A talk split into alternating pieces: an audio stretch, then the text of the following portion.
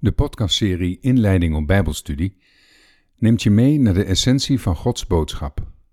Dit is deel 3 van het hoofdstuk Kerk en Geloof. Een roman vertalen is een vak op zich. Professionele vertalers proberen zo dicht mogelijk bij het origineel te blijven. De literair vertaler doorgrondt het boek dat hij vertaalt van A tot Z. Hij beheerst de taal, kent de woorden en werkelijk alle mogelijke betekenissen.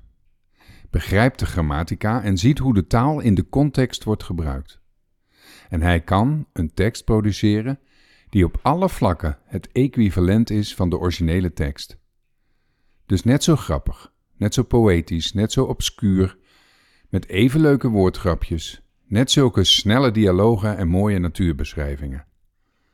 Dat schrijft de Taalunie in 2016. De vraag is of het bij de Bijbel ook zo het geval is. In sommige gevallen wel. Sommige vertalers hebben expliciet de opdracht gekregen om zo dicht mogelijk bij de oorspronkelijke teksten te blijven. De Statenvertaling en de Naardense vertaling zijn hier de bekendste van. Daarnaast zijn er veel vertalingen die weer een vertaling van een vertaling zijn. Eventuele vertaalfouten kunnen bij deze manier van vertalen onbedoeld enorm worden uitvergroot. Maar natuurlijk wordt de objectiviteit van de vertaling pas echt onder druk gezet door de bekende gekleurde bril. Over het algemeen zie je dat grote kerkgenootschappen hun eigen vertaling hebben omarmd. Het laat zich raden waarom. Zo hebben de katholieken de Willibrord-vertaling, de gereformeerden de MBG en de Jehovah-getuigen hebben hun Nieuwe Wereldvertaling. Duidelijk is dat kleine verschillen grote gevolgen kunnen hebben. Alleen al over de eerste zin van de Bijbel zijn enorm veel boeken geschreven. De meningen over het scheppingsverhaal zijn nog steeds verdeeld. Binnen de kerken is algemeen aanvaard dat in het begin van de Bijbel beschreven staat hoe God ongeveer 6000 jaar geleden in zes dagen de aarde heeft geschapen. Deze leer staat op gespannen voet met dat wat vanuit de wetenschap over de aarde bekend is geworden. Eén theorie heeft alles wel heel erg op scherp gezet. De theorie van de theoloog Charles Darwin, beter bekend als de evolutietheorie. De vraag is of je deze tegenstelling kunt terugbrengen tot een vertaalkwestie. Volgens aanhangers van de restitutieleer wel. Volgens hen biedt de eerste zin van de Bijbel ruimte voor een andere benadering. Het zou dan in Genesis 1 niet gaan om het scheppingsverhaal, maar om het herscheppingsverhaal. Veel bekende mensen uit de christelijke wereld hebben deze leer aangehangen, Johannes de Heer bijvoorbeeld. De basis van de restitutieleer ligt in de vertaling van de eerste regel van de Bijbel. Natuurlijk heeft de leer een veel diepere bijbelse onderbouwing, maar het idee dat wellicht de keuze die vertalers in het verleden hebben gemaakt de oorzaak zou kunnen zijn van de nu nog steeds voortdurende discussie over het scheppingsverhaal, geeft de kwetsbaarheid van het vertalen aan. Het Nieuwe Testament heeft nog een extra probleem, waardoor het vertalen soms nog lastiger wordt. Het Nieuwe Testament is geschreven in het Grieks. En dat is niet de moerstaal van de mensen die dit deel van de Bijbel hebben opgeschreven. De apostel Paulus was dan van geboorte geen Jood, maar we moeten aannemen dat het Hebreeuws wel zijn moerstaal was en het Grieks een tweede taal. In ieder geval is het moeilijk voor vertalers om teksten te vertalen die in oorsprong al geen ABG zijn, algemeen beschaafd Grieks. Hoe vertaal je een Nederlandse tekst die vol staat met Friesisme, zoals ik ga op bed mijn les duurt tot 20 over 3. Die test moet overnieuw. Waar kom jij weg? Hoe vertaal je dat in het Engels? Naast de problemen van het vertalen worden teksten vaak uitgelegd op een manier zodat ze passen in een menselijke theorie. In het Matthäus-evangelie staat beschreven dat Jezus leerde in de synagoge. Er wordt duidelijk niet bedoeld dat hij student was en onderwijs genoot maar juist andersom. Jezus gaf college en collega-onderwijzers verbaasden zich over zijn kennis, wijsheid en kracht. Zo verbaasd dat ze toch even wilden weten of er niet sprake was van een of andere verwisseling.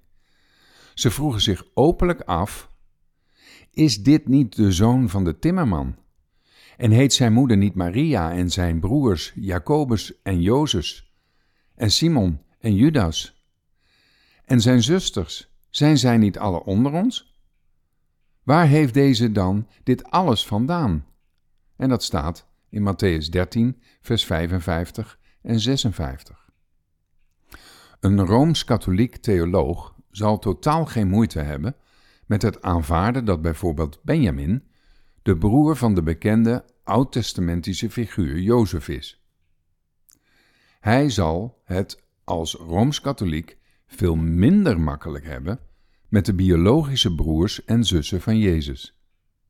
Hij zal veel eerder beweren dat het in dit Bijbelgedeelte gaat om geloofsgenoten, broeders en zusters in het geloof. Voor hem kunnen het onmogelijk de biologische broers en zussen van Jezus zijn, omdat de Rooms-Katholieke Kerk leert